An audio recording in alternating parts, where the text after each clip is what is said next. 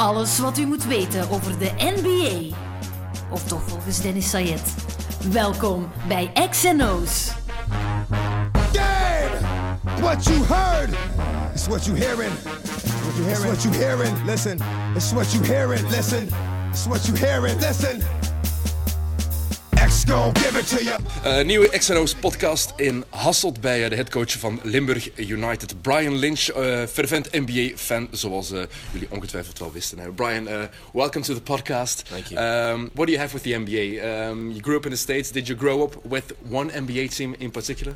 I did. I grew up with the New York Knicks. Um, you know, I grew up in the era where you had Charles Oakley, Patrick Ewing, John Starks, the Allan Houston, and those guys. The and bad boy Knicks. Yeah, yeah, and I and I just fell in love with their physicality and the way they would just never like you know over my dead body kind of type of team, and and uh, they they they would always grind games out, and and and you know you had Pat Ewing who was a big name and a, and a great center, and um, and again like we have a, a network uh, where I'm from called Madison Square Garden Network, obviously the Yeah. Madison Square Garden, named after Madison Square Garden, and. Uh, you know, I used to watch all their games on that, and I, you know, again, like guys like Allan Houston, who was like a six foot five, six foot six wing player, John Starks, who came off screens, uh, shot.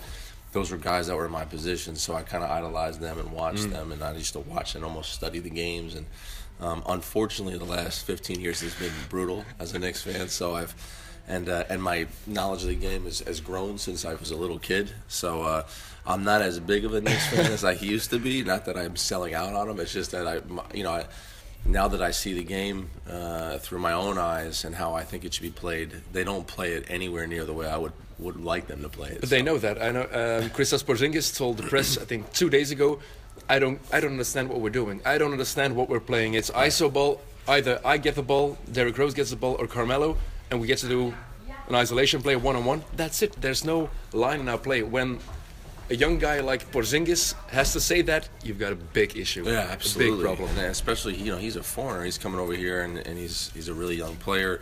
Um, but it's funny that it came from a foreign player, Yeah. a, a guy who's probably used to playing in a team system.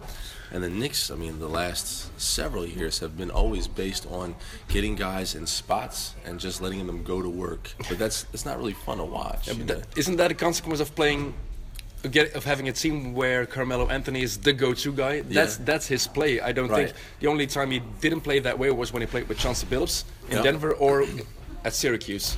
Well, I can't remember another time when he didn't play an isolation game. No, no, he's he's one of the best one-on-one players you're going to find in the NBA, especially with his face-up game. You got to, you know, you can't give him the, the, the jumper, so you got to overpressure him. And at his size, he has, a, you know, once he gets a little bit of a position on you underneath, so he's so hard to stop. I get the idea of, of isolating him, but for me, I, as a coach, I would isolate Carmelo Anthony when we had seven seconds left, and there was. Uh, you know, the game was tied. Yeah. I'd, I'd isolate him then, but I would not do it for 48 minutes in the NBA. And I would I would hate to play with him too. Oh, absolutely. I mean, Oh, I would hate it. Yeah, you, you don't get a chance to get into a rhythm, you know. And uh, you know, I've always been a believer of ball movement, you know, to the death because I believe that every guy on the team, when they touch the ball, first of all, it gives every guy energy, and it makes them more involved. And the more involved guys get, guess what? The more confidence they get. The more confidence they get, the better they play. The better they play, the better the team plays. All of a sudden, you see the snowball effect. Yeah. Yeah, yeah. And that's something you don't have with the Knicks nowadays. But wh- when you look back at those teams, your youth teams, the 90s Knicks, they didn't play that kind of beautiful basketball, right? No, it no, was see, really ugly. But No, I, no, I love. John Starks. That was my father's favorite player. Okay. So I, I love John Starks to the death.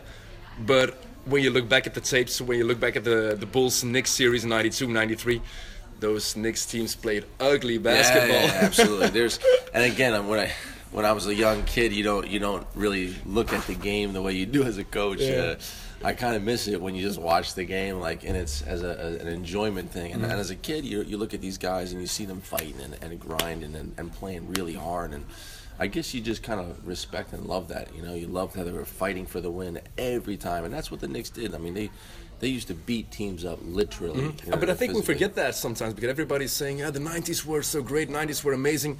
Yeah, you had some amazing players. You had Pat Ewing, you had Michael Jordan, of course, you had Clyde Drexler, you had Hakeem Olajuwon, Charles Barkley. Great players on their own.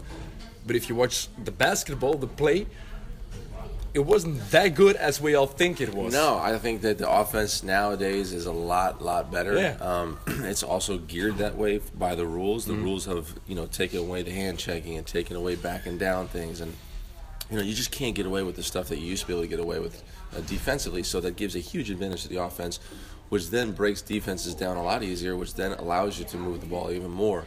So it looks a lot more prettier these hmm. days. But I think what was interesting back then is, is how physical it was. Yeah, that's that's true. But you aren't allowed to play that physical anymore. You, you said just the hand checking rule. That that's one thing that makes su- makes such a difference. When you look at the Knicks teams in the '90s, you had Derek Harper at the guard, and he used to def- he used to put his arm on the hip of of. Of Yeah. his man every Yeah, time, yeah, every time he went into defense, he used to just hold his his hip. Yeah, and think about that's on the outside. Think about what they used to do on the inside with Charles Oakley, uh, Anthony Mason. Remember how much of a bull that guy was? I mean, they could they they were basically wrestling down there, and there was no way to get in the paint. So. Um, Again, it wasn't the prettiest, but I guess as a kid, you just like the fight, man. You like, and again, we were watching the Knicks all the time because it was on. Um, So you grow to love that team. And you had the rivalries too, right? Um, you had the Knicks versus Miami, late Yeah. '90s. You had the Knicks versus the Bulls, the Yeah. whole decade. Yeah. There, there's always been one team that hated the Knicks, Yes, and that's what makes it so so beautiful. You got a storyline that makes it extra and- and you- intriguing. and it makes you love the team even Yeah. more. Like everybody hates us. We're the underdog, you know. And uh, you know, and I remember uh, that, that series with the Miami uh, Heat, and then seeing uh, Jeff Van Gundy ha- literally hang on the leg of Alonzo Mourning for for his life. you know, he was getting thrown around like a little puppet, and I was like, wow, these guys are really big because that coach looks small, man. Of when you had PJ Brown just tossing, what was it Chris Childs? I think. yeah, yeah, just Chris picked him up and threw him. and threw him up. Yeah, but you don't see that anymore. And I, I, in a way, I get it. Like, I don't, I don't think that we should condone that kind of behavior. Mm. Don't get me wrong, but you see how like how how intense and how physical it was back then in the '80s, '90s. It was so, such a more, uh, you know, think about the Detroit Pistons when they used to play. I don't know if you know most people over here used to watch the NBA back in the '80s, but they were they were like brute force. You know, They were dirty. Bill They- Laimbeer, they really were dirty, yeah. I mean, they, I read a book uh, one time when they talked about how like, like they literally wanted to just literally beat Jordan up. We're gonna hit him every play. We're gonna knock him to the ground. And like Jordan had to keep his mind, and that's what made him so tough. Mm. Is that he never got rattled and he just kept playing over and playing over. Yeah, it took some time for Michael to get over that. Yes. Um, yeah, the Jordan rules, that's how they, they called um, the roughing of, of MJ. But the first three years, 88, 89, 90, he always had to evolve. He had to get Yeah. bigger and stronger physically to be able to match those kind of teams. You don't have that nowadays. You have some enforcers. Look at Draymond Green. Yeah, Right, right. He's kicking legs. I don't like that too. But he's I'm not a fan of that, But no. a strong guy. He can Yeah, yeah. defend and he will make the hard foul if it's necessary. Right, Um, yeah. He's one of those rare guys. I don't remember a lot. I don't recall a lot of good players now, and I mean really good players that do try to be as physical as Bill Laimbeer was, as No, uh, no. Dennis Rodman was. Joe Dumars was also a very Yeah. physical player. Yeah. But I think the reason for that is because those guys were more the role players, Mm. you know, and, and that's the thing. Like you got to find guys who are going to be willing to do that on your team, who's going to be willing to come in and be the enforcer. Mm. Um, it's not the pretty job, but actually it's an important job on your team because it kind of gives you a level of physicality and changes the the energy of the game. What do you think of Draymond Green? Because a lot of people hate him because of his antics and how he how he acts. Um, but I've got to say, I think he's an amazing player. Right. You know, look when I. w- A long time ago, when I, I guess he came out what in 2009 or something was it? No, 12. 2012, yeah, it was yeah. recently. Yeah, okay. So he- I remember when uh, we were looking at players Mm. uh, with the idea of possibly getting start up here, or also the idea of maybe getting a job somewhere else. Yeah. I remember saying nobody's talking about this guy Draymond Green. He's going to be awesome. He's an undersized big. He can do everything.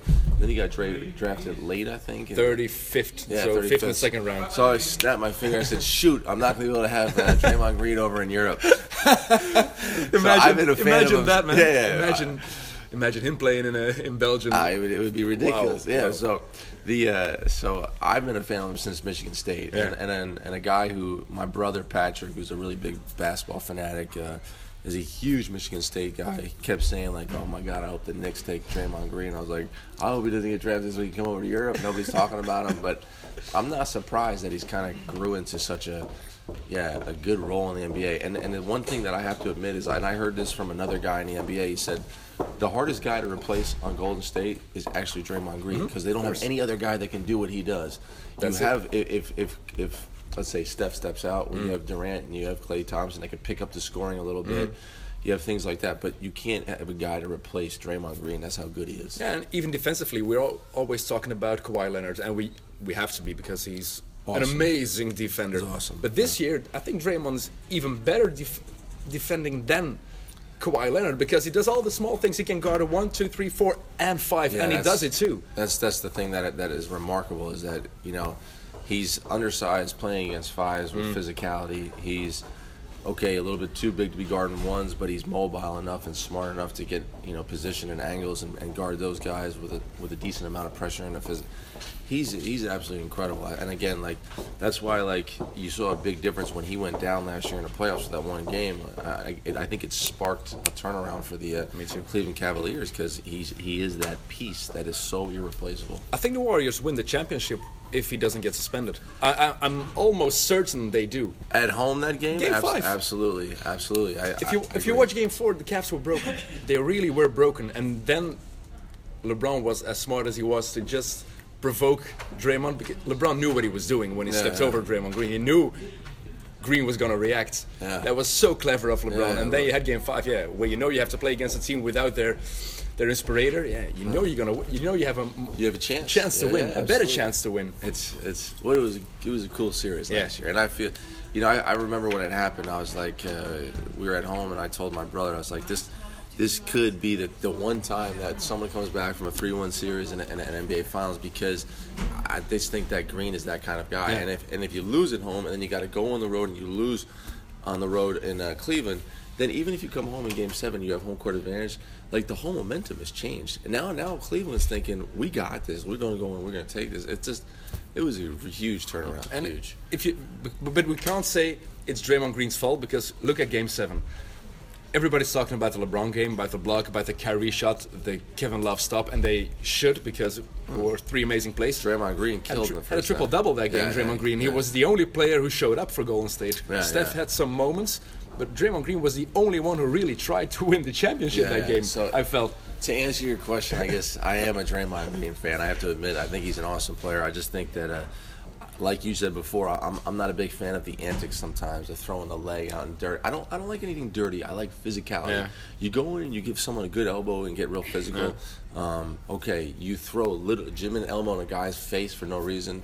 Not happy with that. You know what I mean? Like it all depends on the level of dirtiness as opposed to physicality. And sometimes I think that bringing the leg up, kicking guys in the in the nuts is a little bit is a little bit nuts. but why does he do that? Because Jalen Rose uh, said, yeah, he, uh, he does it naturally. That's how he uh, makes up for his lack of um, athletics. Size, Yeah, athleticism. Yeah. I mean, maybe. I mean, because maybe because he's trying to, you know, I think he's just trying to take up as much space as he can, and, and maybe protect Maybe. himself from falling. You know what I mean? So, but again, it, it, comes off looking, I think, a little dirty at times. Should they be worried, the Warriors, uh, without KD? Um, they had some tough stretches. They won last night against Philadelphia, but only with two points. Right? yeah, I Um, saw that. Yeah. So And then they only beat the Knicks by like five, so you know that's like that might as well be a loss. that should be. Yeah. but but do you think that they're in trouble because everybody's saying yeah Durant will be back in four to six weeks. It's only a sprained knee, but a sprained knee isn't a sprained ankle. That's no, something. But uh, see, I'm not even thinking about his health. What I'm thinking about is right now that um, Golden State has to learn to adjust again without Kevin Durant, Mm. and then you're going to re-inject him into the starting lineup or the uh, or the you know the rotation. And now we have to again adjust to having him back because it's not like it's not like you're getting like a role player. You know, you're getting a 25 or 26 point guy a game a game a night, and that's you know now now Steph has to find out is this a good shot or a bad shot because now with Kevin Durant there, it's like I need to take these shots. You know, Klay Thompson has to pick up his level of offensive. He's he's going to be more aggressive. Um, when Kevin Durant comes back, that might have an effect on their. They're like, okay, now we need to again get our guy that he, we can't just freeze him out. He's one of That's our true. best scorers. So I think the adjustment, the how are they going to adjust when he comes back? How quickly are they going to adjust? Will they have enough time to adjust in order to get uh, get going the way they should be going? and I wonder how good it will be. Uh, will it be 60% Kevin, Kevin Durant? Because then the Warriors have a problem in the playoffs. Will it be 85, 90% Kevin Durant? Then, then I think they can be fine. But look at Stephen Curry last year. He never was the same. Only, I think, in two games against Portland, he, he was his, his old self after his injury. So, yeah.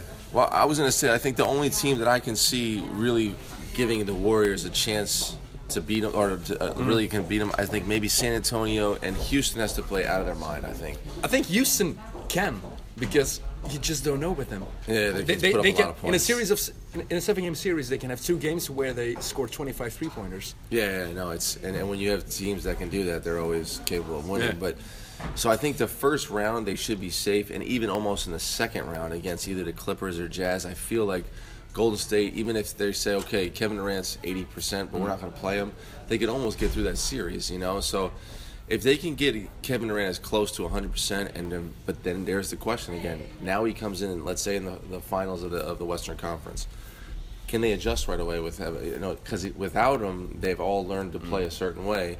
They've had had a more aggressive uh, Steph, had to have a more aggressive uh, Klay Thompson, or whatever. Now they got to bring in this guy. It's a difference. I'm telling you, it's not as easy as, as it's going to sound. And Okay.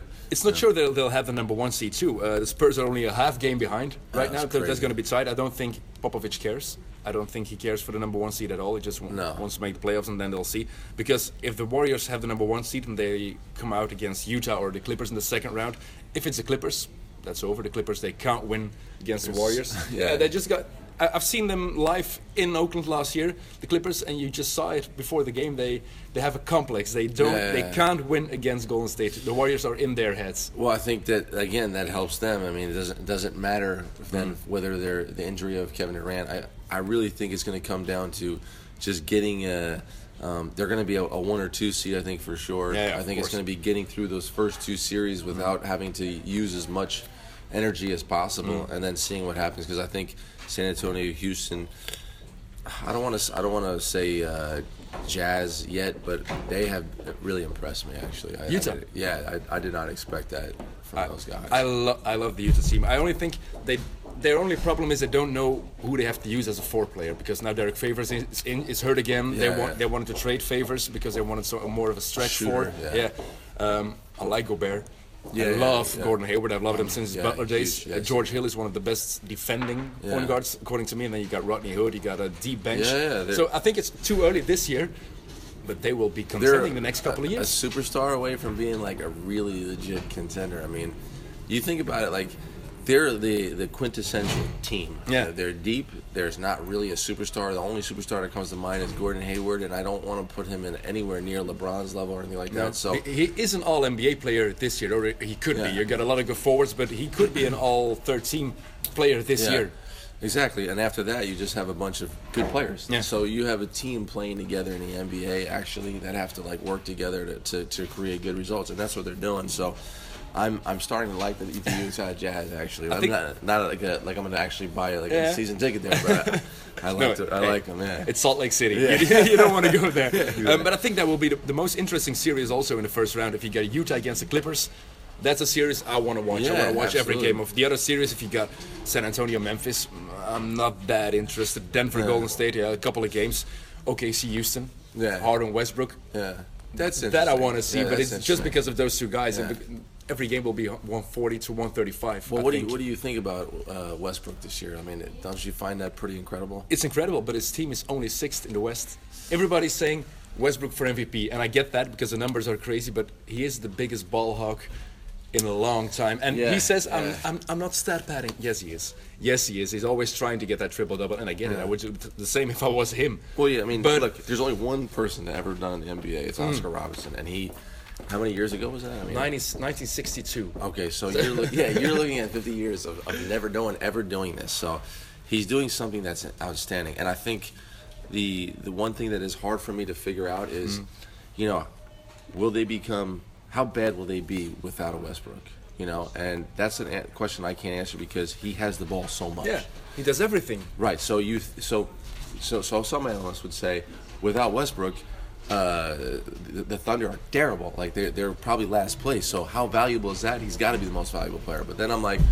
Well, okay. w- Would you trade LeBron for uh, Westbrook? Yeah, I'll take that deal. Yeah. Then you know who's the you know the most valuable Of course. player is. Yeah. But if you just watch at this year and what they're doing, um, Westbrook's stats are amazing. He's got this, he's got the 10, more than 10 assists per game. But you know in the NBA, if you give a pass and somebody takes five Yeah, more dribbles, you it's- get an assist. exactly. Um, but I don't think he makes his teammates better, and that's what LeBron. Yeah, evidently he always does, obviously. Yeah, he does. But also James Harden, he makes his teammates better this year, and I think that's what, what why Harden has a step forward for me in the MVP race. That's why I put Harden ahead of Westbrook, even though Westbrook has the triple double as an average. Harden makes his teammates better this year. the the the the, the, the part that I'm having a hard time getting over is is is the numbers, and I think for me, what I usually do is I say, what did the team do? Mm. And in this case, you got Houston Rockets, who are clearly better. What do they have? A, a six-game lead over the top of them. Yeah.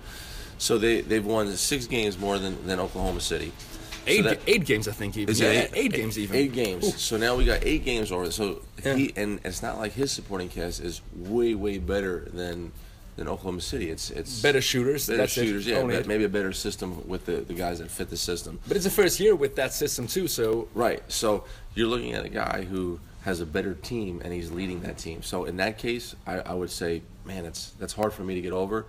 But unfortunately, in this situation, you're looking at a guy who's doing something that hasn't been done in 50 years. That's the only problem with me. Yeah. It's like he's doing something that is n- only one other person in the whole NBA ever has done. That's did- incredible. he- and Oscar didn't win the MVP back then. It was Bill Russell who won MVP. Oscar was only fourth. But why? Because Winning- Bill Russell won, and that's what I'm saying. Like it's it's got to be hard. What, was it back then? Uh, one was Russell, two was Wilt Chamberlain. I think three was Elgin Baylor or Jerry West. Yeah. Um, But then that, that, that to me then makes okay, someone from Golden State, someone from San Antonio, someone from uh, Cleveland, and I'd even throw in the Boston Celtics then, like as a better candidate for MVP Yeah. because their team is on the top. I, mean, I, I don't I don't count in Isaiah Thomas because I think he defends his defending is too lousy. Yeah. And that's just because of his height too. It- It's a problem for, for Boston in my eyes. Harden isn't a great defender too, but he is No, he's trying not. this year sometimes. And Isaiah Thomas tries, but he's 170. Yeah, He- he's actually kind of a cool player to watch. He's so small. he- yeah. He's just too small to, to be able to defend on, on, on a bigger point guard.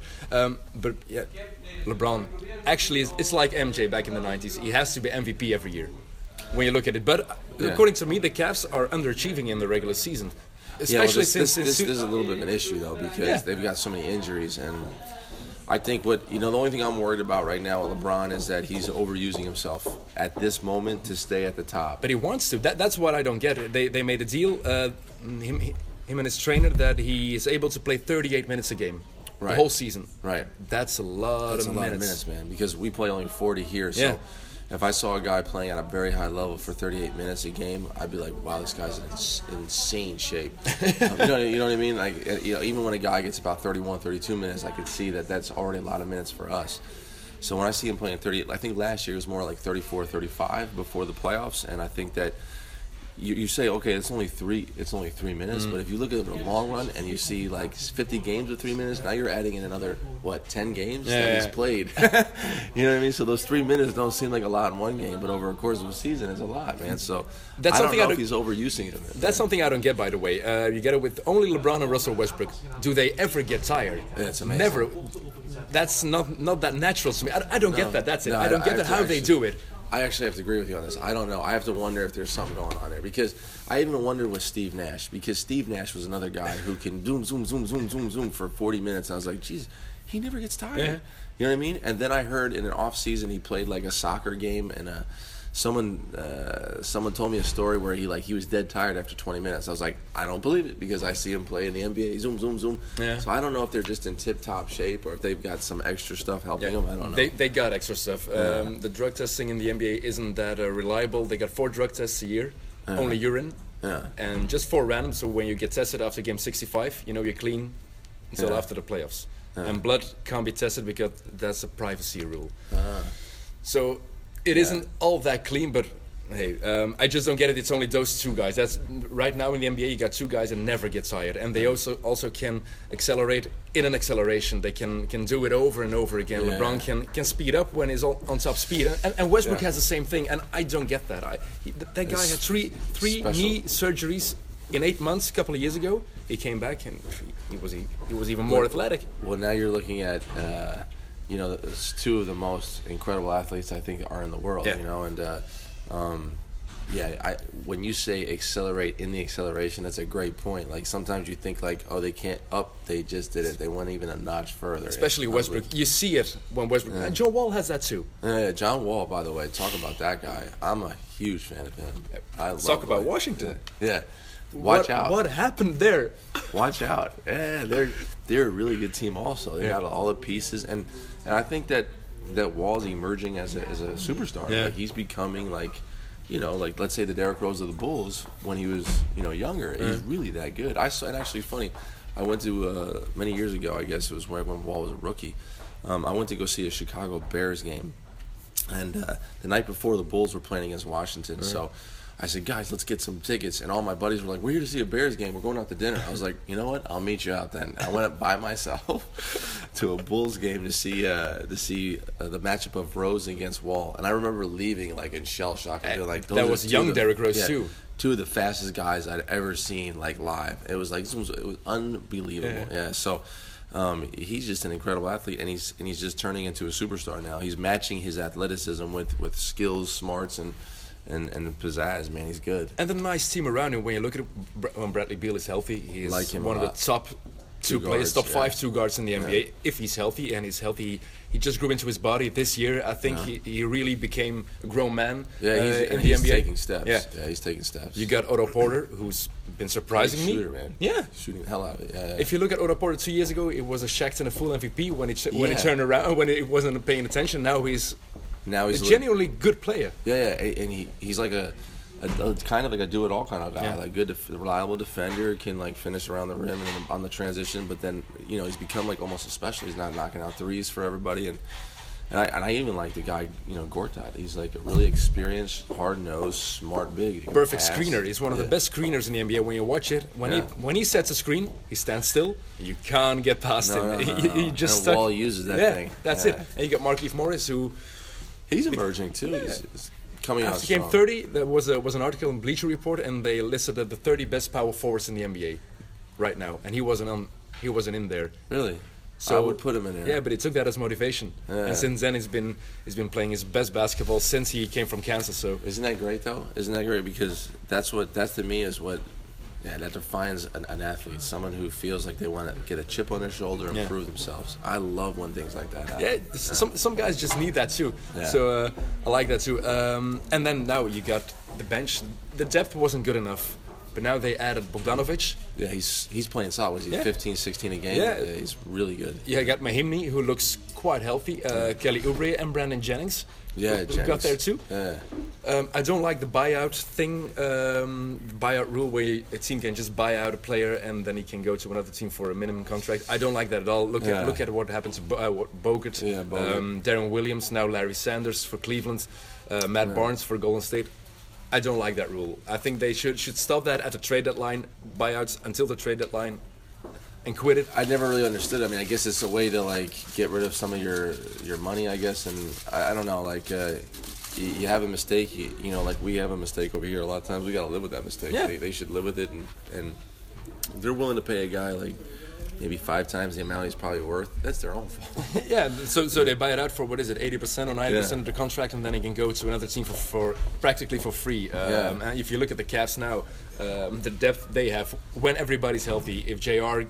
gets his groove back, when Yeah. Kevin Love gets back, they're good, and they I, got I- twelve players they can but use. I think 12. I think Bogut's finished, right? He's Uh, his career, he, he got waived by Cleveland uh, to make room for Larry Sanders, uh, Okay. who just signed a contract. But I think Bogut's career is, I think it's over now. I feel bad for that guy. I was, I was when he was with Golden State like a couple of, you know years ago. I guess he wasn't with them last year. Was he with them last year? Yeah, last year they got injured in game game six uh, Yeah. of, of the finals Yeah, when yeah, he that's right. hyperextended his knee. So it was this year he changed teams. So last year and the years before, like I remember saying, like he's also another key, not because, not because he's you know dominating the paint or something like that, but he did two things really well for them. He could pass really Mm-hmm. well, and his ability to see the slips on on the flare screens and and with the screens between the guards was unbelievable. And the second thing that he did that not many people give him credit for is he's a good shot blocker. Like he was, he used to protect the rim. He's, se- he's seven one. Yeah, he's a so- big guy too. So Yeah, yeah, so like you actually got like a, a, de- a rebounder, shot blocker, and a great passer. On the on the Warriors, that's all you need. and five. a great guy in the locker room. He's, he's Australian, Oh, yeah, so yeah, it's yeah. really funny. I was there last year, and Klay Thompson was wearing this checkered black and white shirt, and everyone was looking at him. Yeah. And Bogut was in the shower when Klay left, and he came out running. Where's Klay? Where's Klay? Get Klay for me. Why? I need a picture for my wife.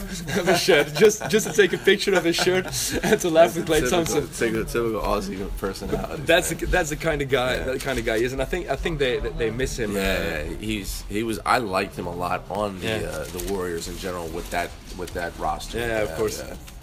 Uh, we talked about some MVP candidates. We had uh, Harden, Westbrook, um, LeBron, of course, uh, and we can't forget um, maybe my number one candidate for Kawhi Leonard. Yeah, I knew that, yeah, because the San Antonio Spurs are playing unbelievable. He clearly has become the man there. Yeah.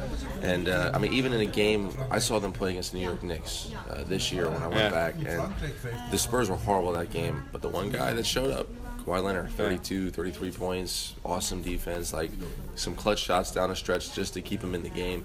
I said to myself, like, wow, like this guy is so legit, it's ridiculous. And he wasn't like this a couple years ago. Kawhi Leonard. Ja, Kawhi Leonard. Even van de kamer veranderd een beetje te veel eh, omgevingsgeluid, dus zijn we naar een andere kamer gegaan. Uh, yeah, we're talking about Kawhi Leonard. Um, my MVP candidate. It's a hard choice for me because I love James Harden, how he's been changing his game. He evolved into a real point guard. Yeah. Uh, I didn't expect that from Harden, and he can also put up 50 points Yeah. when he wants to. But Kawhi, uh, look at the Houston game. That was it when he scored a three-pointer that blew Yeah, Manu Ginobili's yeah. mind, and then he had the block on. James Harden at the other end. That's what I'm saying. Like, wow, wow. That's that to me is like the the the best of the best when you talk about the complete basketball player. You know, he hits the winning shot, he comes down and gets the winning mm-hmm. defensive play. You know, and unfortunately, a lot of times in, in, in today's game, you see too many guys are one sided. Like, yeah, he's a defensive specialist, or he's a shooter, or he's just he he's a scorer, and and you don't see too many guys that are just like well rounded, great basketball players, and, and that's what Kawhi Leonard is. And I and the way he does it is like, especially in the in the Spurs system, you come, you're 15th in the draft or something like that. Uh, you can't shoot at all. You develop into a good shooter. You develop, but but you take the first couple of years doing what you do well, which is run the floor, defend, be a good role player, and now you've evolved. You know, I mean, how many years has he been out now? I guess this is probably fifth year. Wait, 11, 2011. Fi- yeah, That's when he was drafted. So yeah. you're yeah, so you're in your fifth or sixth year here now, and you've evolved into a you evolved into a superstar. That's even more impressive. Mm-hmm. He didn't come in as a superstar. He came in as a wow. He's a, much better than he, we expected. Um, but He, he, he evolved, but he also evolved because he's, he's a, a great talent, but also because he was drafted by, uh, he was traded to the San Antonio Spurs on draft day. Right. Imagine he was drafted by the Kings. I, yeah, I don't think you have the same. No. Isn't that amazing though that, that even in NBA you have teams that are developing players a lot better, and that's that should show other teams that they should be a model Mm. for other teams. That like, look, what are we doing wrong? Why are our guys not developing like that? You know. It's also scary for some guys, I think, because you know when you're drafted uh, to the wrong team, you Yeah. know your career can be derailed from day one. Right, The Kings right. are, are the prime example. Uh, look at the, the players they they've drafted and they screwed up. Um, ben McLemore, for example. Yeah, yeah. If you put him on another team, I think he can be a decent NBA player. of now he's lousy. Well, they have they have a lot of players that have you know m- great talents, athleticism, size. So what's the difference? Like they're just not reaching their potential. Why? Well, they're not developing the way they should, and and the Spurs have a knack for doing that. And, and the best thing that I think of the Spurs do is, um, and this and this starts, I guess, um, with RC Buford, their uh, their general managers. He does a good job of like finding guys that fit his system. And, and that are like under the radar. For example, like Tony Parker got drafted second round. Manu Ginobili second round. Like a lot of these guys, Kawhi Leonard was like 15. He wasn't like a second pick of the draft here. Like They always found find these gems. Look at Dejounte Murray, the rookie they drafted last Yeah, year. And yeah. but the- everybody knows Murray's a good player. He's going to be a good point guard. And they always get that kind of players that that they fall into their laps, but they also make something out of that, that uh, those kind of even players. Green from uh, Yeah. the shooter, like Also I a second he was- round pick. I didn't think he was that good when he got, and all of a sudden now he's like a, a, an elite two guard, or at least elite two, shooting two, you know, guard. Good So- defender too. good defender. so yeah. They get guys that just learn how to play on both sides of the ball and, and get the most out of them. And for that, they're always one of the best teams in the league. And because of that, that's why I kind of look up to a guy like Popovich and, and the way they play. But it's unique what Popovich did with, with San Antonio in, in combination with RC Buford because I don't think it's really that easy to just install a philosophy in an NBA team. No. If you do it in Europe, I think it's different. But in the NBA, to really create something, an environment, a philosophy that people buy into from day one, from minute one, that's something I've never seen before. It's like the Patriots in, in the NFL, I think. Yeah. No, look, these guys are making so much money, right? Mm. And they have such big egos and they're super talented. So, um, in, in essence, it's really a players' league. So it's not like you can just come in and, and like throw people around. Um, but what I think what the Spurs did really well is, you know, when I think when Popovich got there, they were they were good, but they had really good guys already, like the Admiral, David Robinson, and he drafted guys. And from the very beginning, they started with the mindset of like, you should be happy to be here, to be in a part of our organization, and you're gonna you're gonna do it the way we want to do it, or you team can, first. yeah, team, or you can go, like you can go, because there's a lot of players out in the sea, and then when it worked, everybody like, and that's the thing. Once it works, and you have your core guys Mm-hmm. back, which of course in the NBA you can obviously build like that. Um, whenever you replace one or two pieces, those one or two pieces are never coming in with the attitude, "This is going to be my team." They're coming in like, "I'm so happy to be a part of the Spurs and win," and everybody else is already set in place. And if you want more, you're out. Look at Stephen Jackson.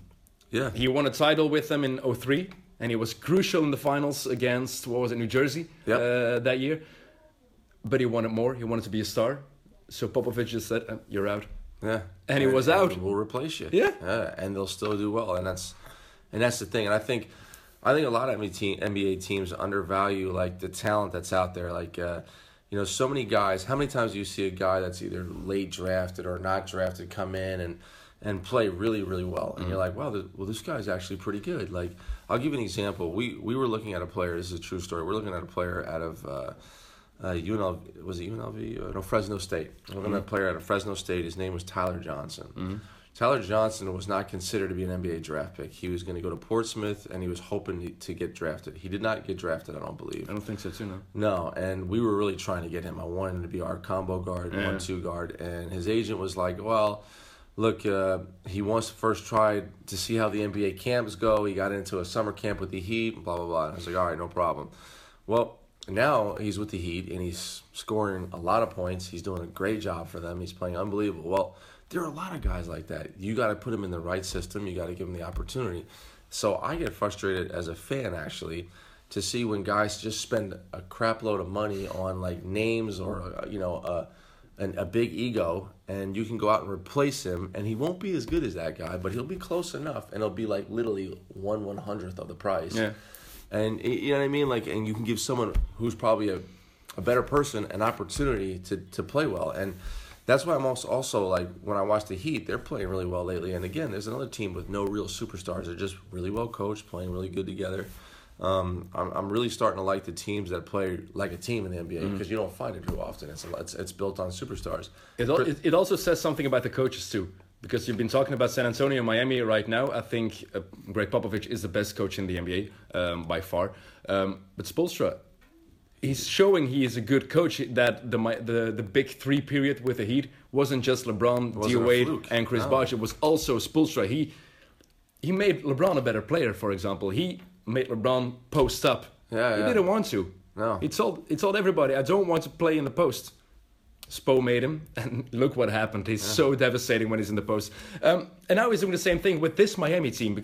They're what? What is it now? They're tenth in uh, the East, but only a half game behind the eighth seed. Only one game behind the seventh seed. Two games behind the sixth seed, and they're If playing Goran Dragic, Dion Waiters, Yeah. Tyler Johnson, Yeah. uh, Hassan Whiteside. That's not that's not a playoff But team. that's no, but that's the point. Like these guys are really good players and, and undervalued. Um, and uh, and you put them in a good system, I think they, they will play pretty good. And I think that they will. Uh, you know, again, they won't be individualistic. Why? Because that's the only way they'll be able to survive is that they play individualistic. They'll end up looking like the uh, the Brooklyn Nets. so you have to play really team ball, and you have to be able to rely on each other. And if you do that with that kind of talent, you're going to get some results. I'd be willing to bet money that that that Miami makes the, the playoffs this year and maybe even gets to that seven or six seed by the time they finish. They've won like I think I don't know eleven out of the last sixteen games or fifteen. They're playing really good ball. I think they will make the playoffs too because the Bulls, um, yeah, yeah. I don't, don't want to talk about the Bulls. They're, they're just a mess. They, they uh, stunk up the guards- joint the at Sunday. They stunk up the joint against Boston, but they scored nine points in the first quarter. It took them five minutes and fifty-five seconds to score their first points. Five it's- fifty-five. yeah, we did that game at Play Sports, and we knew when the game was on for two minutes, it was over. Two Yeah, minutes. That's, that's so frustrating. fun. Yeah, so frustrating. And then you get Milwaukee. Yeah, they got Giannis Antetokounmpo. I love Giannis. Yeah, it's fun to watch. think they'll. Uh, Detroit is, co- is is coming into their own. Detroit will make the playoffs. Indiana will make the playoffs. so Yeah, I think. Miami will trump out Milwaukee and Chicago and um, Yeah. make get the I. I still even think that uh, Milwaukee. Uh, I don't know. Milwaukee's tough. It's going to be close, but I think Miami Miami's going to get in there. The way they've been playing is really good, and I root for a team like that. You Yeah. know what I mean? So and they're hard nosed. And and James, Um, they even made James Johnson. What he lost thirty pounds yeah. this season. Thirty Yeah, pounds. That- that's, a lot. That's, a lot of weight. That's, that's Yeah. you know he's he's a fanatic like that, and I they tell you know I heard a story about him because uh, a good friend of mine is the assistant coach at the uh, the Charlotte Hornets. Mm-hmm. That's why we went last year to see the Charlotte Hornets. He's a good friend of mine. He hooked us up, let us go on court and stuff. And uh, I asked him what it was like to, to coach with Spoelstra. How was Coach Spo? Is he, is he legit? He goes, Brian, this guy's beyond legit. He's like, he it's almost too much. Like after games, back to the film. Like, um, sometimes I'm like, you know, go home to your family. Like he's he's like fanatical about it. So, I think his his work ethic is what makes him you know so good as a coach. When I heard that story, I was like really inspired. I was like, wow, you know, it isn't just because he has the big three, he wins. He's putting the No, time no. in. Yeah, And he got a connection with his players too. I had the privilege to do the finals um, of 2013 in Miami and San Antonio. So saw Spoelstra against Popovich and how they interacted with their players. All right, it's only in half an hour of not real practice, media practice. Um, but you, you can see the little things how they interact with their guys, and of course Popovich like a father to everybody. Right, everybody right, right, loves Gregg Popovich, um, every player. But at the Miami side, that was kind of the way too. You, you saw immediately D Wade and LeBron had tons of respect for Spoelstra. Of course, Wade has- worked with him from day one. I think. Yeah, and I uh, think when he that- got there, that's his So- Mm. work ethic that, that wins them over, you know, and uh, and that's not easy to do because it is, and, and yeah, and in a way you have to get that because it is a players' league. Look, I- the guy that I used to play for in, in Breeze is the assistant coach at Denver Nuggets, Chris Finch. Mm. When he was with the Rockets last year and they played against the the uh, the Hornets, when we went to see that game, I spoke to him. I said, "What is it like?" He's like, "Look, man, you gotta. It's a little bit massaging egos, you know. You got to win the guys over by, course. by knowing what you're talking about Yeah. because these guys are so good." He's like, "So I gotta know my stuff. I gotta know my shit." Basically, he said, and uh, because they're gonna see right through it if I don't, because they're so smart and they're so good at this level. So, and and and unfortunately, they do run it like it's it is a players' league. So he's got to earn their respect by being mm. really good at what he does, and that's that's how that's how Spo does it. I think he just he just does it great, and they they learn. He can be coach of the year for me. I've got three, three coaches, uh, four coaches that can be that can. It's it's a difficult award to predict. I'm a big Brad also. Stevens fan. Yeah, Uh, yeah. that's that's my guy too. Yeah, Of course, Gregg Popovich can win it every year. It's Yeah. like Le- LeBron and the MVP. Yeah. You can give it to Popovich every year. Brad Stevens, what he's been doing with the Celtics. Um, my number one pick right now is Mike D'Antoni because he. Oh, yeah, the- okay, The, whole yeah, turnaround yeah, with yeah, Houston. I'm, I'm not a fan of their game. I don't like watching the Rockets because they shoot too many three pointers. Right. Sorry, when you got a team that shoots 58 three pointers in a game, 58, Yeah. that's a little bit too much. But Yeah, it's over look at what they've been doing. Um, they sucked last year. What was it, the eighth seed? Yeah, the AC Yeah. had no chance. No chance after getting to the conference finals the year before. But he, th- it's also, they want to play his type of play. They want to play his style, his philosophy. It fits with James Harden and everybody around him. So But that's cool. He's got the players that, that fit that system, and Yeah. I think it's fun because a lot, you know, a lot of guys. I think that, you know, the the volume of threes. Obviously, they have a longer game, but the volume of threes, I think, depends on how good of a three it is. If they're just passing around the perimeter, shooting at contested threes, I would say this is stupid to watch. But they actually attack, create, get extras pass, pass, mm. wide open shot, three, and And take fast, it all fast day. break three pointers. And, look- and look at the guys they have. James Harden, great shooter, of course. Ryan Anderson, Yeah, Ryan Eric. Gordon, Lou Williams. Yeah. Those are four guys who can who can shoot everything. Yeah, and and Ryan, I think Ryan Anderson was the key when he Yeah. got that job. They said I wanted. He was like the number one guy he wanted apparently because he needs that stretch four. He needs that get to the space the floor and get the floor open for Harden to get in and play But it's weird because and do his. Yeah. his all. because Anderson and um, and Gordon, nobody wanted them last year. yeah, They sucked in New Orleans, and nobody wanted a piece of. but I've always been a fan of Gordon. The guy can not. He's a lights out shooter. He just had his injuries, and Yeah, yeah. he wasn't happy in uh, in New Orleans. But I think nobody's happy in New Orleans. Uh, Yeah, you would think that would be a great place to play. Yeah, New great Orleans- city. Yeah, great city, and it- and they're also starting to turn out to be like the the uh, Sacramento Kings of the East, which makes no sense to me. So Um, We were talking about the Spurs uh, a second ago, um, and we also have to discuss the Lamarcus Aldridge uh, situation, the heart problems. Um, I think his season That's is over. scary. I don't, yeah, it's re- that's why I'm, I'm I'm asking you. It's really scary. Uh, we can talk about his career just like Chris Bosh, but I don't think that matters right now.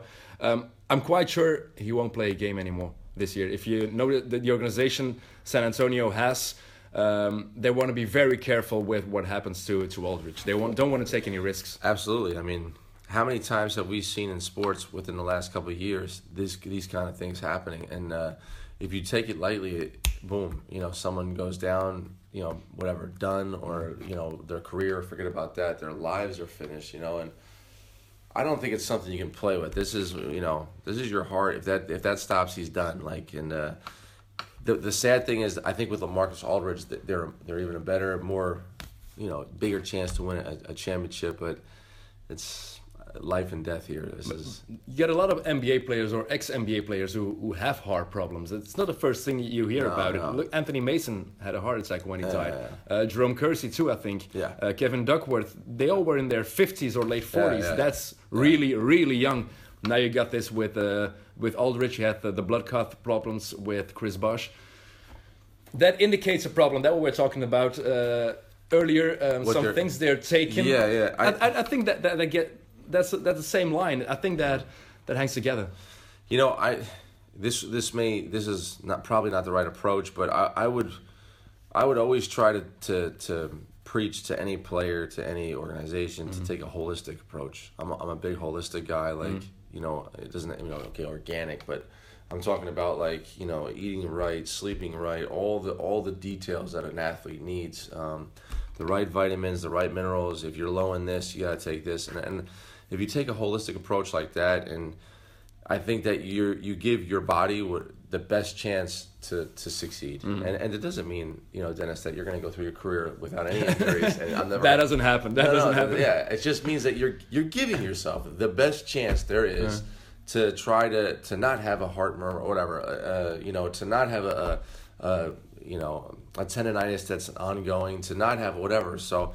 Of course, you can go up, you can roll your ankle on someone's foot, no matter how holistic approach you take. Um, but it gives you the best chance, especially on the inside. Because to me, like little heart murmurs or blood clots, that to me is uh, that's something other than rolling your ankle on. That's that's what you eat. That's how you sleep. That's how you feel. That's stress. I mean, stress to me is the is the biggest poison there is in the world. Um, so with all that, you know, I I'm a big holistic guy, and I don't know how NBA teams do it, but and if they're pumping them, you know, we don't know this, but if they're pumping them certain drugs to to keep their bodies always at the highest level of performance, I also don't think that's good either. Eh, They they give them something because you see it before every game. Some guys gets a little Pellet maybe. uh, yeah. They they sniff something to get hyped before the game. You- Joakim Noah does it did it before every game, for example. Yeah. He sniffed something. Don't know what it is, but I think that's strange.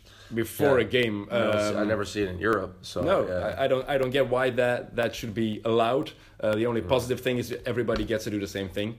Yeah. Over there, that's the good Okay, thing. But we, yeah, we don't know what they're taking. Um, Right. They're not even testing for steroids in the NBA. Right, and, and you got to So- see some of these guys are huge. So Yeah, they get to wonder. huge. Yeah, Yes, yeah. They get huge. Is That's a better it. way. Look at it, from Yeah. Toronto. When he came into the league, he was a skinny, tall European guy.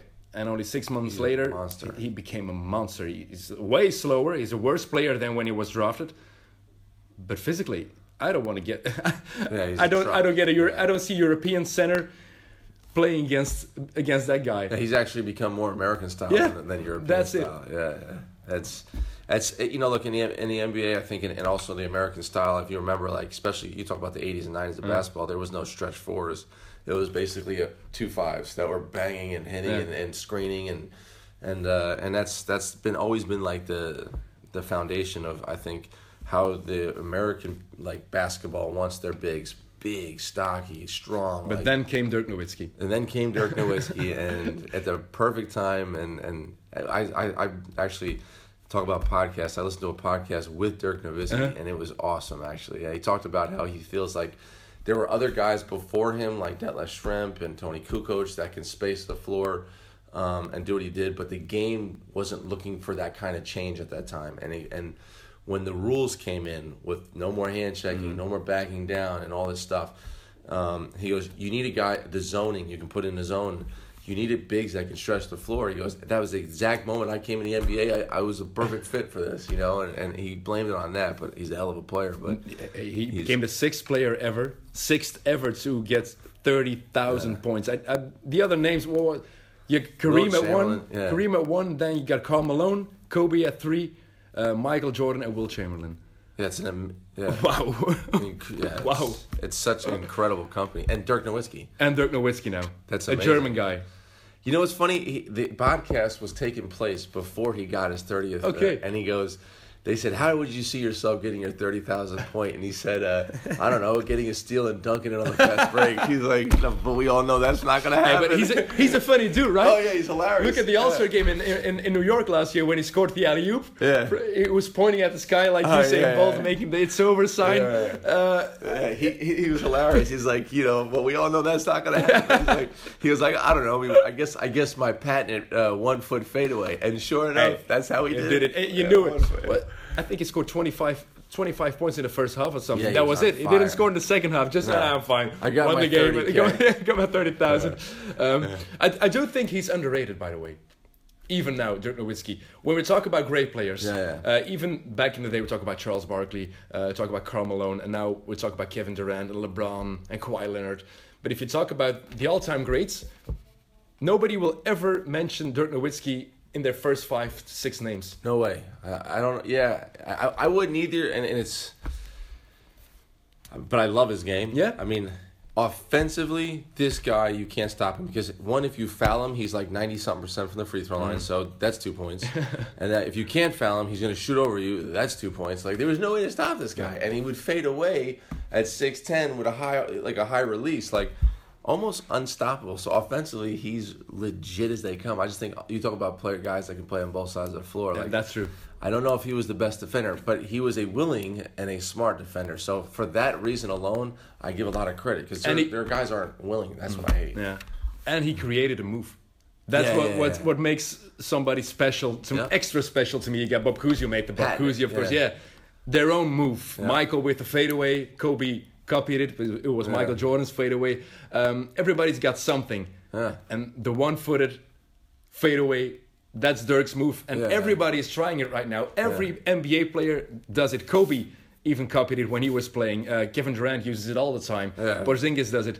I think it's cool that a European guy can do something and everybody says, "Oh, he's doing the Dirk." Yeah, yeah, that is actually cool. And, it, and he came over from Germany like 19 years ago. Skinny kid. Skinny kid. Nobody expected anything from him, and now he has 30,000. He's sixth all time. It's it's actually remarkable, man. It is. And do you think they will make the playoffs, the Mavericks? Because if you look at the the race for the eighth seed in the West, you got yeah the, the first seven seats are they're locked. Yeah, I think they're locked. They're locked. So you got Denver at eight now, and then Portland, Minnesota, and Dallas. Those four teams are battling for one spot. Right. I, I mean, look, I'm I'm rooting for the Nuggets just because you know my my former coach is Yeah. there, and I want to see him do well. But I have to admit, Minnesota's a really talented team. Uh, you know, you have uh, Lillard over here in the Blazers, and they're also pretty good. I don't know if the Dallas Mavericks will be good enough to get past. I, I- I think they're they're like two or three games away from tank mode. Yeah. yeah, they are. I mean, if, if, if they win the next, let's say five out of six or five out of seven, they'll be like, we got it. We still have a chance for playoffs. If it goes bad the next five or six games, I think they're gonna. I, Mark Cuban's gonna be like tank mode. Let's let's get a high draft. I don't think they'll make it. I, I think Portland will make it over Denver, even though they're what is it, two and a half games behind right now, uh, because Lillard is playing out of his mind the Yeah, last couple of weeks, and the addition of uh, of Nurkic. Yeah. I like his addition. Uh, everybody was saying uh, that won't fit. But if you saw Nurkic in his first months with Denver, you knew he was a, a smart player. Yeah. Um, he, he has great offensive skills. He can score. He can rebound. And they needed someone like that important. They can't only have McCollum and Lillard. They needed a big guy who can do something. And I think Yeah. Nurkic is a perfect addition Well, for they that lost team. Aldridge, so now they need Yeah. something like that. And I think you talk about another guy that I really loved in college was was McCollum. Um, I think he came out of Le- Lehigh. Four years at Lehigh. N- Four years at Lehigh Yeah. wasn't a big, you know, another big name coming out because he was at Lehigh, and I was like, wow, this guy's so good. Like I, I wonder if he's going to get drafted, and I think he did end up getting drafted pretty high Tenth, though. Yeah, tenth- he got tenth drafted spot. pretty high. It's, it's like Damian Yeah. Lillard, uh, Weber State. yeah, Weber State. Who knows Weber State? Yeah, exactly. I think he's the first player who got drafted in the first round from that college from that too. college, yeah. And So it's also a pretty good job from the uh, you know the Portland Trailblazers. So I look, I they when you have a point guard like Lillard, I think anything's possible. But I, I have to admit, I'm going to be rooting for the Nuggets. over I, I like the Nuggets team. Uh, Yeah. I love Nikola Jokic. yeah, he's he's Oh, he's Porzingis type. I mean, he's up there. Yeah. He's more creative for his No, no, I know. Yeah, but I mean, like, I think people always talk about Porzingis. Yeah, yeah, Porzingis, yeah, yeah. This guy is legit. Last year, he was a runner-up in Rookie of the Year voting. Yeah. Not Porzingis. It was Nikola Jokic. Yeah, that's unbelievable. And that's but that's how, how it how it has to be. How it used to be. He is so skilled. He's got such a high basketball IQ. Uh, and even though he has all that, I had a discussion with uh, Thomas from the Spiegel, and he said, in the '90s, Nikola Jokic plays five minutes a game Yeah, because 'cause he, he- gets roughed can't- up. He can't do what he can't- does yeah, right you now. can't utilize his skill set, and now you can, and that's, you know, in today's game, this guy is the perfect. You know, he he's the this perfect center or the perfect big. You know, that can pass, that can shoot, that can get in post job, that can go off the dribble. Like, But I think he's strong, he's strong enough to uh, to uh, adapt to another uh, style of play. Um, he reminds me a lot of Arvi- Arvydas Sabonis. yeah, yeah. Sabonis or He's a pretty big guy. Yeah, we're that's- acting, we're that's acting what- like he's Porzingis, who's really it. long and skinny. He's and even Porzingis put on a lot of weight, by the way. Yeah, he did. yeah. He's still skinny, but Yeah. Jokic looks a lot more like Marc Gasol. Yeah, a little his, bit his thicker. build. Yeah, yeah. So, but I mean, look, uh, he. I'm actually curious to hear uh, Chris Finch's uh, point of view on him because he also likes bigs that can pass. Mm. I bet you he's gonna love him. I, I love to hear stories about that guy because when I watch him play, I actually watch Denver now to see him get it at the elbow Mm. and start to go to work. It's kind of fun to watch him. But they've got a they've got a cool team. Um, if you look at the guards, Jamal Murray, rookie, good yeah. player. The other Um, guard, I can't remember his name right now. The young Uh, guy, yeah. Mudiay. You mean Uh, point guard? Is it the one or is it two? That's the one. You got Gary Harris at the two. You got Mudiay at the one. Mudiay's been injured for uh, for some time. Jameer Nelson is even playing there. Yeah, Will, Nelson. Will Barton. Barton, that's the one. Yeah, That's what He's I- coming off the bench the last He's couple look- of weeks. He looks good lately. Yeah. yeah. But that's what I'm trying to say. You've got the depth in, the, in this roster. You got some older older guys. Wilson Chandler who's playing well. Yeah, Danilo bad. Gallinari, who's still Yeah, who's still there. yeah. Jameer Nelson, who's playing solid. And then you got the young guys. Um, you got Murray. Um, you got Barton. You got Jokic. You got Ken Faried still there. Yeah, for it's not a bad team actually. No, you got Yeah, Plumlee, Mason Plumlee also. They, they won't do nothing to the Warriors or Spurs, but Yeah. I think they can they can find themselves in that A spot without question. I don't think they're going to catch the Grizzlies, but certainly the A spot. Although the Grizzlies are in free fall the last couple of months, last couple of weeks, last month is uh, Marc Gasol isn't playing that well, and if he isn't playing well, they've got an issue. Um, Yeah, they're- Chandler Parsons is out for the season again, really. again. Wow. So I, I just recently saw them play against Brooklyn, Uh-huh. and uh, I mean, obviously they, everybody looks good against Brooklyn. So I was like, wow, the, the Grizzlies are pretty good. except for the Knicks, they lost for- against Brooklyn Hey, three days listen, ago. let's not let's not dive into my nightmares here. I mean, this is like, as a Knicks fan these days, this is brutal. Oh, but it is I- brutal. You know, if you when anybody who comes to see like you know our, our team play here in, Uh-huh. uh, in Hasselt, we like the one thing I hope that people when they leave the game they say, "Wow, th- those guys really play together. Like they move the ball, they play fast, and like that is like the one way that I want our guys to play. Get up the floor quick, share it, like look for the best option. You know, attack the rim at all times, looking to get threes or at the rim, and and uh, when I watch the Knicks, it's like the exact opposite. So that, that's what I meant before. Like as I know basketball now, like it's almost I almost can't be a Knicks fan anymore, and I, they'll always have a place in my heart.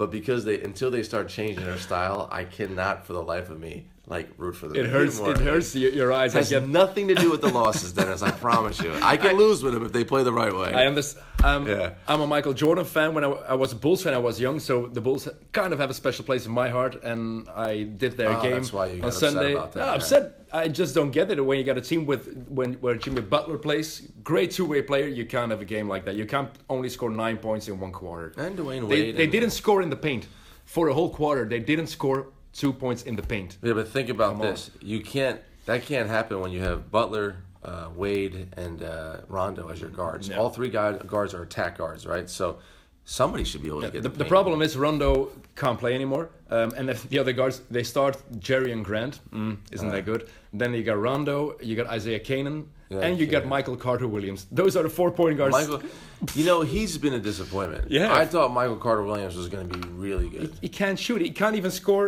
a shot from the free throw line in a game. Just a jump shot, from two steps in the three point line. Where you can't do that, you got a problem in the NBA. Yeah, you You, you can't be an NBA player. That that's the thing. Um, but they also play. They don't play beautiful basketball, and that's what I do- that's what I like about your team. Here, they try to play a modern style of basketball, and they there aren't a lot of Belgian teams who try that. They they hold on to the old principles. Basketball has to be played like that, thrown into the post to get some movement. There aren't a lot of, of teams that try to really use the three pointers and the layups, Yeah. the analytics. Yeah, yeah, exactly. What they're doing in the NBA, right now, you can better have six six three pointers and miss two because you can get an offensive rebound than six courts two point shots, long two point shots. Right. But a lot of guys in Europe don't understand that or don't want to understand that and say, yeah, that's how they do it in the NBA. No. That's the way basketball is moving. Yeah, Uh, I'm, I'm glad you get from that. an analytical Yeah, standpoint and from a, just a flat out statistical standpoint, I, I just think that it's, you know, like you just said, like you know, th- six three pointers is eighteen points, six two pointers is twelve, and you're also going to get some offensive boards off the misses, and um, of course the percentage is going to be a little lower, but a lot of times they say. You know, if you're shooting forty percent and from three and and fifty percent from Mm. two, then I think uh, that already that ten percent difference is not that big of a difference when you add the extra point each time. So, um, you know, again, like I, I, I just like that style. I like the, the, the pace. I like high tempo. Um, when you see the way Golden State plays, or the way San Antonio plays, and even the way Cleveland plays at times, they're starting to play up tempo with Kyrie and get up the ball at the floor and, and start to move it. Like the top teams all seem to be playing Yeah. this style. Houston Rockets played this style. Boston, Washington, they all play like that. and and, and, and Yeah. I'm, now I'm looking at this, uh, you know, this the standings, and I'm saying, hmm, Cleveland, Boston, Washington, they're top three, and then you know, so I know for a fact that this is where the, the basketball is moving, and I and I also think it's the most pretty style there is, like because like you we talked about before, you get a lot more from a lot a lot of different players. It's not just Carmelo scoring and and. And it's not just this guy scoring; everybody's playing well. You know? do you do need to have the personnel because look at the Lakers; they're trying it too. And I love Luke Walton. Really I- I love do- I the way he's. I- coaching. so do I. Because but now it's the youth movement. Uh, Yeah. Walton, go on a holiday. Timo Timothy Mozgov, not going to use you anymore. Every old player is even Nick Young is getting DNPs, uh, and it was so important for that team. To, so they know they have to lose Yeah, because yeah. they want to keep their uh, top three pick. If they if they lose it, it goes to Philly. So but. I, I like that some teams are, are trying it, but you got to Yeah. have the personnel. Look at look at the Pelicans, for example. They've got the the, the two big men. They got the the towers Drew with uh, Boogie. not- yeah, yeah, they got but they got Boogie and Anthony Davis. Those are the two most important people. They got Jrue Holiday, but nothing else around them, so they can't play like that. And I don't No. want to see DeMarcus Cousins in a fast break stop at a three point line and take a shot. I want to see him get the ball inside because he's he's Yeah. seven foot. Well, you know what? The, yeah, the, the issue for me is like I liked, I actually liked to have Davis at the at the 5 Mm-hmm. You know, I, I don't like him as a stretch four. Like you take him away from the basket where he's like almost unstoppable with his length and and uh, you know you can build that style around Anthony Davis at the five, but at Boogie Knight at the uh, at the you know It, they had to take a risk, and they were really smart to get the, the top three protected pick. if they get into the top three this year in the draft, they still keep their pick. Oh, Vlade Divac, what a terrible general manager he is. Oh no, he's uh, the president of basketball operations. Yeah, He, not does, he, he doesn't know what he's doing for real. He even had to ask when it was starting and the first trade deadline came around.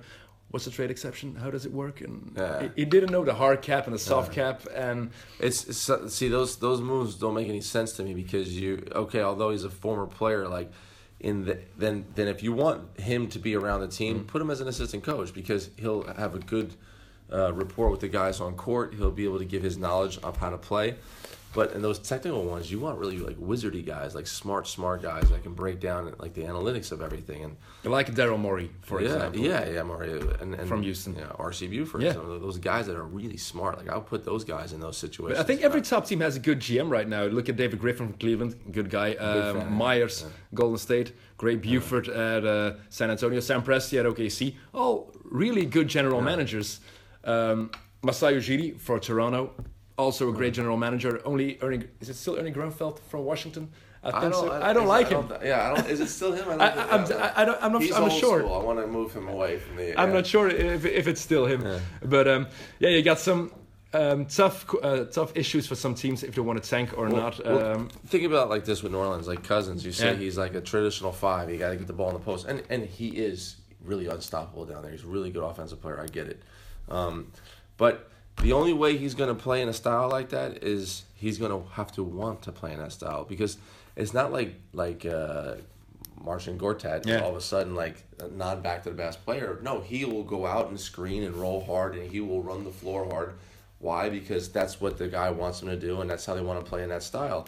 But he doesn't want to do that. I think it's a lot of character on that one too. Oh, of course, and he can shoot. He has a three-point shot nowadays, but that's also my issue with New Orleans. I've watched a couple of games the last weeks.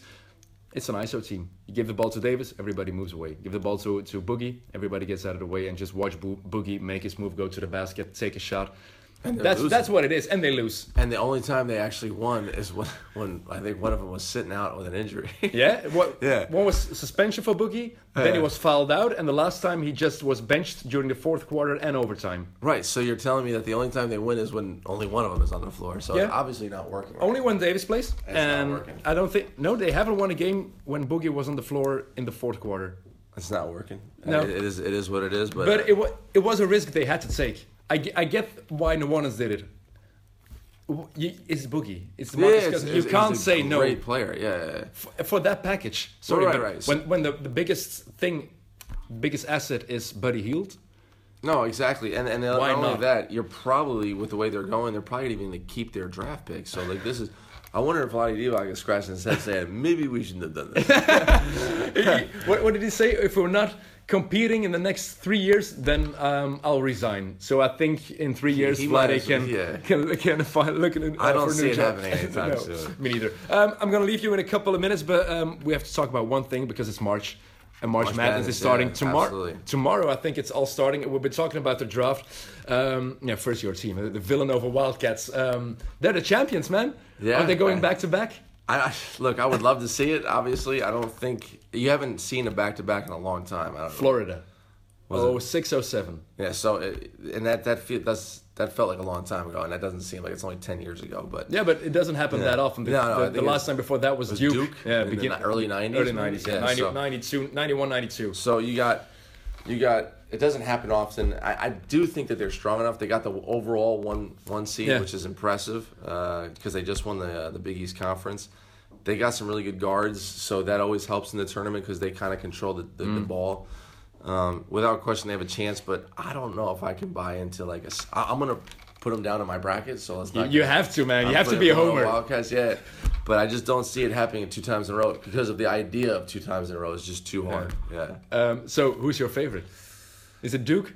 No, like everybody I'm else? Not, I'm not. No, I'm not a big Duke guy this year. I think Duke is too inconsistent. Some nights they just don't show up. Um, I don't want to be on UNC, even though they are probably maybe the most talented. Kansas is another team that kind of doesn't show up off, often. But for me, like I have to admit, like I have uh, Villanova and I think Kansas in the final, Okay. and I have Villanova winning it obviously because I I'm rooting for them. I can care less if I win the pool or not. I gotta, gotta root for my alma mater. of course, you have to. Um, you have to. So, uh, but I think the other team might be Kansas. I don't know. Now UCLA, not putting your money on the I have ball. them on. I have them on the fourth. Ball? I have them on the fourth. But the problem with, with it's hard to root for a guy like UCLA and that guy when his father's saying the most ridiculous stuff. Hey, but I feel I feel bad for that guy because he only says the right things. Lonzo Lonzo Ball. It's Lonzo, right? No, his Yeah, father. so, is- no. was Lava- Lavelle Ball. Yeah, Lavelle Ball's the father, is yeah. the father. Yeah. um, he's been saying things that really hurt his son's legacy even before it all started. He's a good player. He's a really no, good player. he is a good player, and he's gonna and he's gonna make the NBA. He's gonna be a top whatever pick. And Top two no- pick, yeah, probably. There's there's no doubt about it. But his dad is is I think is hurting his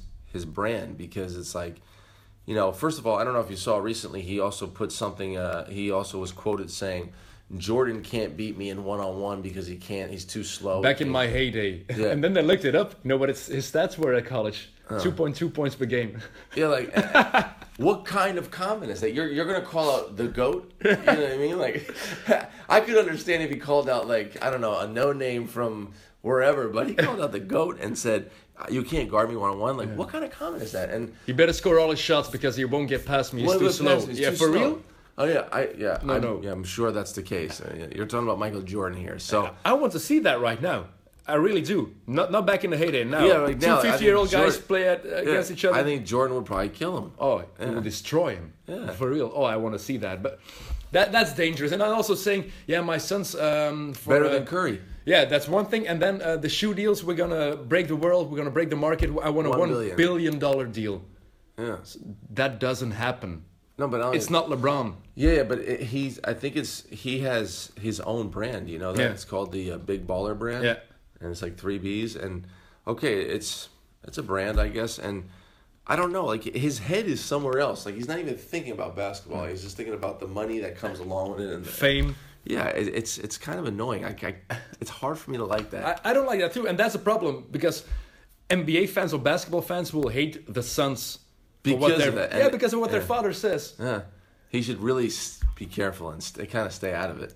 Or maybe his son should say, "Dad, like calm down. Like you're I making me don't. look I don't an think they idiot." can. If I, I've heard him on on Undisputed with Skip Bayless and Shannon Sharpe, and on The Herd, um, and on First Take, he's not going to back down. That's how he is, and everybody's been critiquing him. Even Scott Van Pelt had his own monologue about uh, Mr. Bell. Stop Yeah. doing this for your son's sake. Yeah, yeah. But then they say, yeah, don't any, no, nobody has to tell me how I raise my boys. Yeah, that, Yeah, that has nothing to do with it. It's not about the education of your sons. About protecting them and their legacy and their, their yeah their You're- reputation. You're, you're already ruining it before it starts. yeah, that's it. I I know right away now how good Lonzo Ball is. I will be more of a, a Fultz fan when it comes to the NBA uh, next year, uh, next season. Yeah. Just because of that, and that's ridiculous. It's short, it's short-sighted, but I Well, know. I do. I had to admit, I did put UCLA. Uh, I think they. I have them upsetting. Is it Carolina? Maybe. Yeah, they're in the same bracket as Carolina and Kentucky. And Kentucky, I think. Yeah, I have them upsetting both teams. I have them in the Final Four against Kansas. I think if that's possible. That would be cool. Yeah. I want to see So- UCLA. in- Uh, no, but I don't want them to to eliminate UNC. UNC That- that's a problem. Yeah. I, I like North Carolina. That's right. That's right. That- I- th- to me, they're probably the best team. If I had to admit, you have a chance of seeing a repeat of last year, but this time UNC winning. it would be cooler to have a rematch in the finals. I don't Yeah. think That's you have that. A championship game, the same championship game two years in a row. But you can this year. You can. I think that that's That never would be happened. I that think. would be absolutely remarkable. that would be so cool. Yeah, Yeah, yeah. that would be cool. Who do you think is going to be the number one pick? Is it going to be Ball or is it going to be Fultz? No, I. The kid from um, from uh, was it Washington or, or Oregon? Washington. Yeah, Washington. Yeah, that's Fultz. Yeah, I.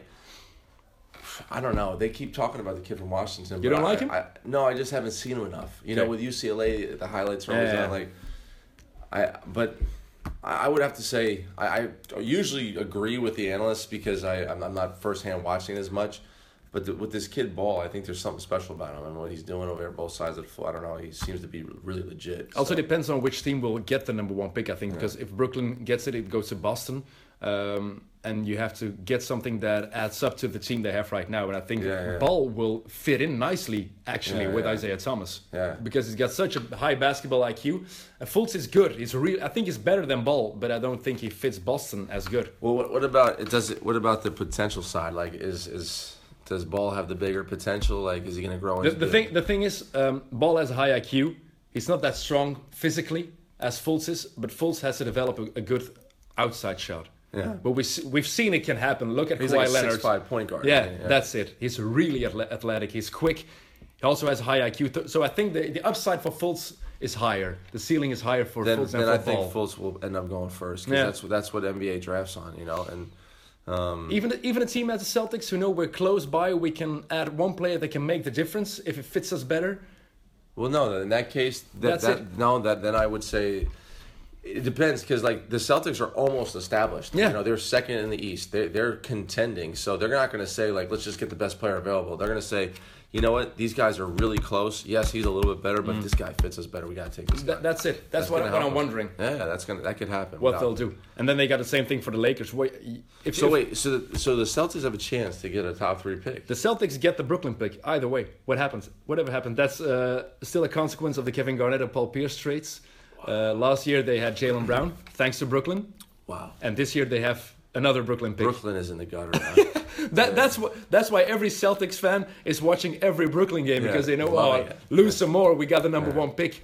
So there's a possibility they get two presents, a number three pick and maybe a number one or two pick this year, just for the Kevin Garnett and Paul Pierce. if they get the first and third pick, is that what you're saying? no, the third had they last year. They had Yeah. Jaylen Brown, they Oh, were the third pick last year, but they can get a number one pick this year. That's that would be awesome. I think the Celtics are that would be really good for them. Yeah, because they, for example, they can also draft Fultz and trade him. Right, and get like a for legit player. Paul George, Jimmy Yeah. Butler. I wouldn't do it because I think upside is so important. But if you can add Jimmy Butler Yeah, he's like- straight up for that number one pick. Yeah, yeah. That's Put him on Boston with Horford and Thomas, and ooh, you got a, a really scary team. The first time I think the Cavs will really have a, a challenger uh, in the East. I, and again, like how good of a job. Think about Boston Celtics two years ago when he first got the job, Stevens. Yeah. What a change this guy's made. He, they're really good. They made good accusations. And they, yeah, they, they have a great GM, Danny Ainge. He does great things. And then you got Brad Stevens. Um, yeah, we haven't talked about Stevens that much. We'll, we'll, we'll uh, save that for another day because I know you like his game too. Yeah, I, you, I you actually was watching a game last night with uh, Sam Van Rossom Yeah. at Valencia against uh, uh, Jerusalem, and Amar'e Stoudemire was playing. it's true. They ran a play that I always see Stevens running. I'm like, look at this. Even guys in Spain are running Brad Stevens stuff. I love it. Every Love it. everybody does.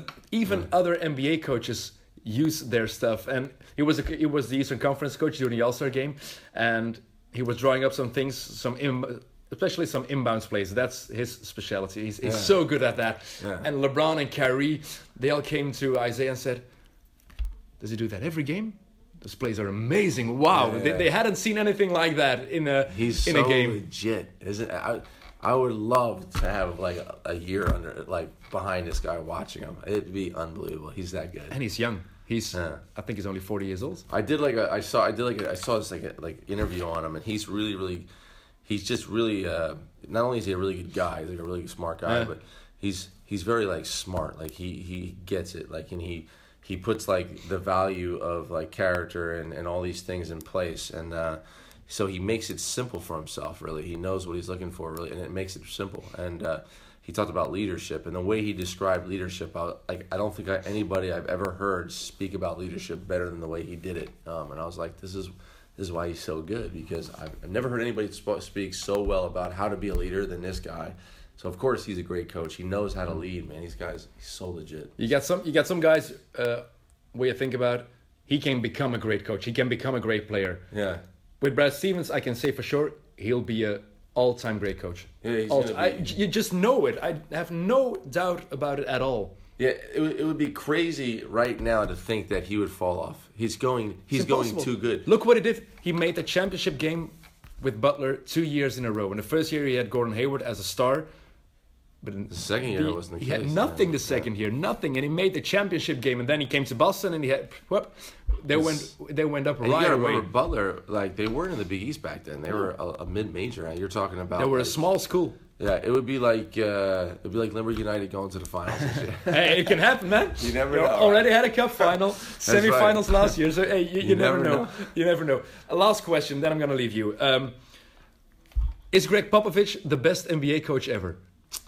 Oh man, I, in, in my time, yes, but I think I don't know enough about the the past, about the, uh, you know, um, the John Wooden of UCLA, the you know, Red Auerbach, the, Red well, Holzman. yeah, Yeah. the, yeah, that won what eleven championships with the Celtics. Like I, Phil Jackson has, I guess six.